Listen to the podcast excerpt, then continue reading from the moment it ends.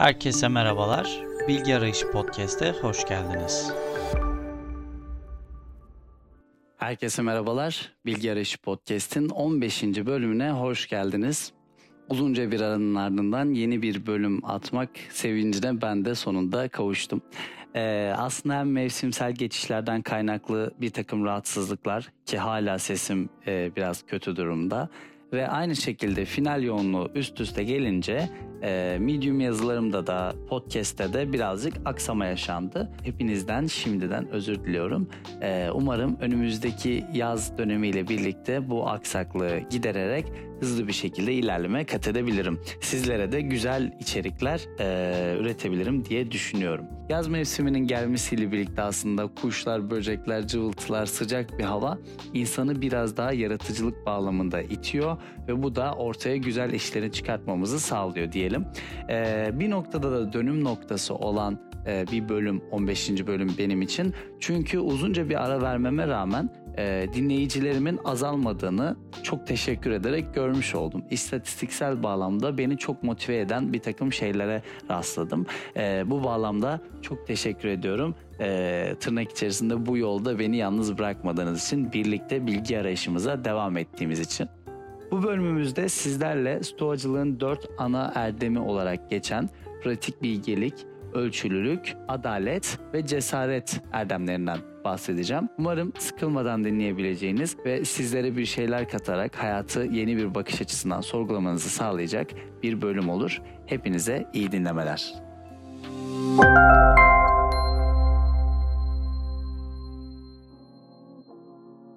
Tekrar hoş geldiniz. Hemen bir alıntıyla başlamak istiyorum. Zaman şimdiye dek kaç Krisipos'u, Sokrates'i, Epikteitos'u yuttu. Bütün insanlar için, her şey için bunu düşün. İnsanların akraban olduğunu, cehaletten ya da istemsizce hata yaptıklarını, kısa bir süre sonra herkesin öleceğini ve hepsinden önemlisi sana hiçbir zarar vermediklerini, çünkü yönetici ilkeni değersizleştirmediklerini ya da öncekinden daha kötü yapmadıklarını düşünürsen onları seveceksin. Kendime Düşünceler Marcus Aurelius. Bu kitaptan aslında ben çok fazla şey öğrendim. Ee, bahsettiğimiz dört ana erdemi de ilk olarak bu kitapta gördüğümü söylesem yanılmış olmam herhalde. Çünkü Marcus Aurelius aslında hem Seneca'dan hem e, Epiktetos'tan hem de diğer bütün stoacı filozoflardan daha sonra gelmiş bir filozof olduğu için ve e, imparator olması bağlamında bunların birçok yazıtlarına vesairesine erişme imkanı olduğu için e, genel bir çerçeve yaratıyor ve bu kitapta aslında kendisinin günlüğü olmasından kaynaklı olarak çok daha e, içtenleştirilmiş, içsel bir kitap diyebiliriz. Yani kendisiyle dertleşiyor aslında. Bir imparatorun kendisiyle dertleşmesini görüyoruz biz bu kitapta. Fakat e, stoacı bir imparator olduğu için bizlere de inanılmaz derecede fazla bilgiyi aktaran bir dertleşme oluyor. Şimdi tekrardan dört ana erdemimize dönecek olursak az önce de saydığımız gibi bunlar pratik bilgelik, ölçülülük, adalet ve cesaret şeklinde. Ee, sırayla gideceğim çünkü e, daha kolay bir şekilde birbirini destekler nitelikte olduğunu düşünüyorum.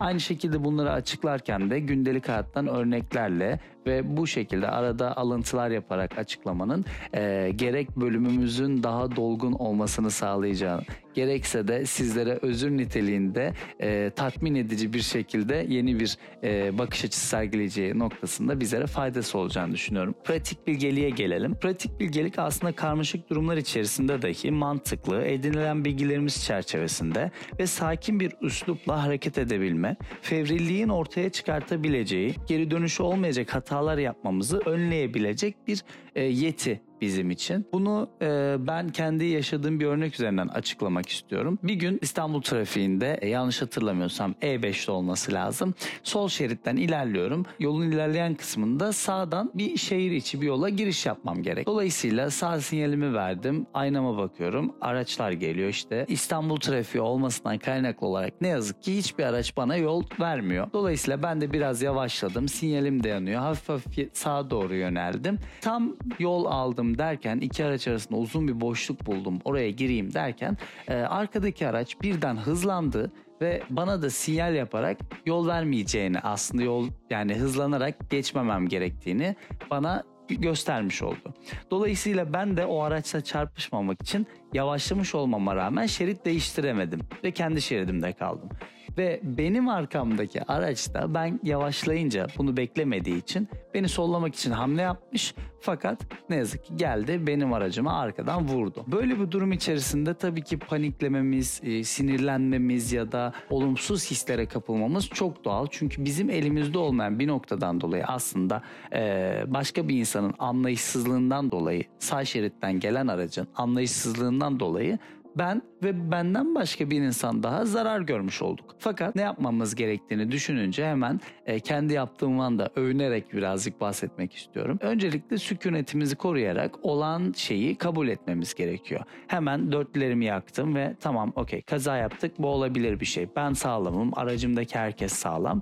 Hemen arkaya gidip onların da sağlık durumlarını yerinde olup olmadığını kontrol ettim. Yani hızlı bir şekilde mi çarptılar yavaş bir şekilde mi çarptılar bunu tam olarak emin olamadığım için o an içerisinde aracımdan indim. Dörtlerim yanlış bir şekilde hemen gittim. Siz iyi misiniz? Aracınızdakiler iyi mi? diye bir kontrol ettim. Herkesin sağlık durumu yerinde. Ondan sonra diğer araçların kaza yapmaması için onların da işte dörtlerini yakmasını, aracının arkasına üçgenli reflektör varsa onu koymaları gibi bir takım trafik kurallarını yerine getirmelerini rica ettim. Çünkü bu tarz durumlarda özellikle kalabalık yollarda, otoyollar gibi zincirleme kaza ihtimali çok daha tehlikeli bir durum ortaya çıkartır. Dolayısıyla hemen bunu da tesis ettikten sonra araçlarımızdaki hasarlara baktık. İşte bende çok bir hasar yoktu neyse ki ama e, onların aracında biraz hasar vardı ve tamponlarını tutturabilmesi için işte ip var mı? İşte nasıl bir rapor tutmamız lazım? Sigorta şirketinin bu karşılaması için neler yapmamız gerek? Polis çağırmayı gerektirecek bir durum var mı? Gibi birlikte e, yardımlaşarak aslında hareket etmiş olduk. Son olarak da onların numarasını aldım. Olası bir durumda yardım edebilmek için adımı ve numaramı verdim. Bunun gibi acil durumlar içerisinde aslında ne kadar gündelik hayat içerisinde olduğunu anlamanız için böyle ayrıntılı bir şekilde anlatıyorum. Acil durumlar içerisinde fevri hareketlerimizden arınarak, öfkelenmeden, kızmadan ya da öfkemizi veyahut da kızgınlığımızı durum stabil bir hale geldikten sonra hani geriye dönük bir şekilde ben ne yaşadım gibi bir ifadeyle aktarabilmek için hemen pratik bilgelik erdemimize başvurabiliyoruz. Bu da bize aslında o an daha büyük hataların ortaya çıkmasına, daha büyük e, sorumluluklar almamıza neden olacak durumlardan kaçınmamızı sağlıyor. Ne gibi? Mesela ben çok sinirlenip onlara bağırarak çıksaydım. Ne yapıyorsun sen işte görmüyor musun sinyal yaktım vesaire. Onlar da sinirlendikleri için o durum içerisinde ya da onlar da o durumun panik hali içerisinde oldukları için daha büyük bir kazaya mal verebilirdik. Ya da birbirimize saldırarak ortada hiçbir problem yokken aslında daha büyük bir problemi ortaya çıkartabilirdik. Birbirimizle düşman olabilirdik vesaire vesaire birçok durum ortaya çıkabilirdi. Ama ikimizin de sakin bir şekilde kalması, öfkelenmemesi, fevri hareket etmemesi durumu kısa bir süre içerisinde kontrol altına alınarak aslında büyümesinin de önüne geçmiş oldu. Bu noktada ikinci bir şeyden bahsetmek istiyorum. İkinci erdemimize geçmek istiyorum. Bununla da çok bağlantılı olan ölçülülük.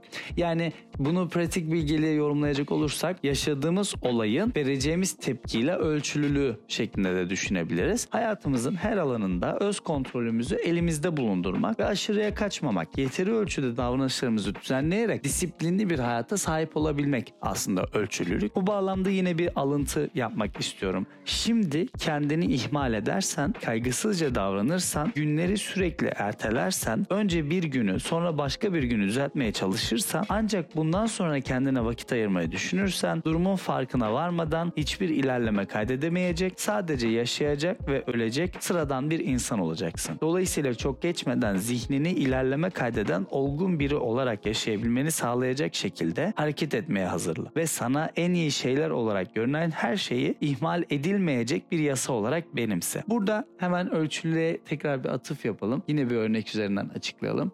Uyku sevmeyenimiz yoktur herhalde. Uyuduğumuz zaman insanın uy- uyanası gelmiyor gerçekten. Ve sabah kalktığımızda işe gitmemiz gerekebiliyor, derse gitmemiz gerekebiliyor veyahut da gün içerisinde yapmamız gereken şeyler olabiliyor. Bunu düşündüğümüz takdirde sürekli uyumak evet belki uykunun hazını almak bağlamında güzel olabilir. Fakat belli bir noktadan sonra örnek veriyorum 8'de kalkmanız gerekirken 8.30, 8.30'da kalkmanız gerekirken 9, 10, 11 gibi sürekli olarak bunu ertelemek belirli bir noktadan sonra sonra gün içerisindeki dengemizi de bozacaktır. Aynı şekilde gün içerisinde yapmamız gerekenleri yapamayacağımız için disiplinimiz de ortadan kaldırmış olacak. Çünkü aslında baktığımızda yaşamımız birbirini tekrar eden ve e, belirli davranış kalıplarına oturmuş alışkanlıklarımızın bir yansımasıdır. Hayatınızı gözünüzün önüne getirin. Evet farklı şeyler yapmak çok iyi olabilir. Sinemaya gitmek, tiyatroya gitmek, konserlere gitmek, farklı müzeleri gezmek, galerileri gezmek benim de çok sevdiğim şeyler. Fakat baktığımız zaman sanat sevmek de aslında bir çeşit alışkanlığa dönüşmüş durumda belli bir noktadan sonra. Ya da eğlenmek de aslında bir çeşit alışkanlığa dönüşüyor. Ve bu alışkanlıklar aslında genel itibariyle bir araya geldiği zaman bizim karakter yapımızı, karakter çerçevemizi ortaya çıkartıyor. Ve karakter çerçevemizi güzel düzenleyebilmek için disiplin, ölçülü davranmak, hazlarımızda da, acılarımızda da, kendimize verdiğimiz tepkilerde de, başkalarına verdiğimiz tepkilerde de ölçülü olmamız gerekiyor. Örnek veriyorum bardak elinizden düştü ve kırıldı. Hemen kendinize yönelik aptal, salak, beceriksiz, bir şeyi tutamıyorsun, sen hayatta nasıl başarılı olacaksın gibi sert tepkiler verdiğimiz zaman bu sefer de kendi şevkimizi kırmak, yaşam hevesimizi kırmak, yapabileceklerimizi dahi yapamayacağımızı düşünecek duruma düşmeye neden olur.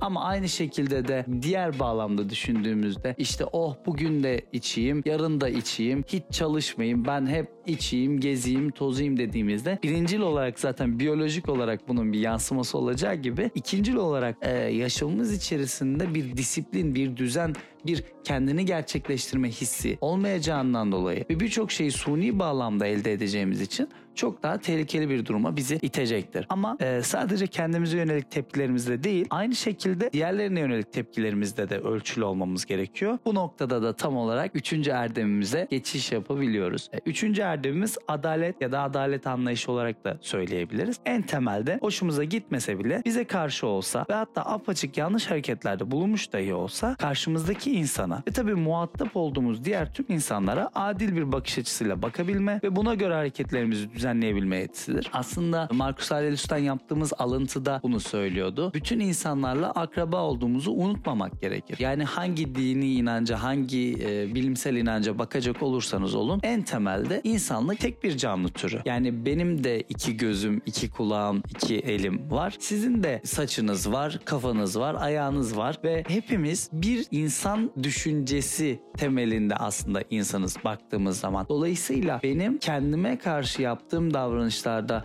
çok adil, çok dürüst olmam size karşı davranışlarımda da bunu yapmamı gerektirecektir. Çünkü siz de insansınız. Benim canımı yakan şeyler sizin de canınızı yakabilir. Veyahut da benim sevdiğim insanların canını yakan şeyler benim sevmediğim insanların da canını yakabilir. Tamam sevmiyor olabilirim. Tamam benimle ilgili kötü şeyler söylüyor olabilir. Hemen burada Epiktetos'tan bir alıntı yapalım. Birisinin seninle ilgili söylediği bir şeyi hiç umursama. Zira en nihayetinde bu sana bağlı değildir. İşte bu noktadan yola çıkarsak başkalarının yaptığı şey bizlere bağlı değildir. Dolayısıyla Marcus Aurelius'un da az önce yaptığımız alıntısından yola çıkarsak kötü olduğunu bilseler zaten kötülük yapmazlar. Çünkü kimse kötü olmak niyetiyle kötülük yapmaz. Sadece bundan çıkar elde edeceğini düşündüğü için bunun kötü olmadığı kanaatine vardığı için bir noktada aslında cehaletinden dolayı kötülük yapacaktır. Bu noktadan baktığımızda da onların yaptıkları kötülüklere vereceğimiz sonuç, vereceğimiz karşılık yaptıklarının e, çok daha üzerinde bir tırnak içerisinde ceza olursa bu durumda bize aslında ölçüsüz bir şekilde ve pratik bilgeliğe aykırı bir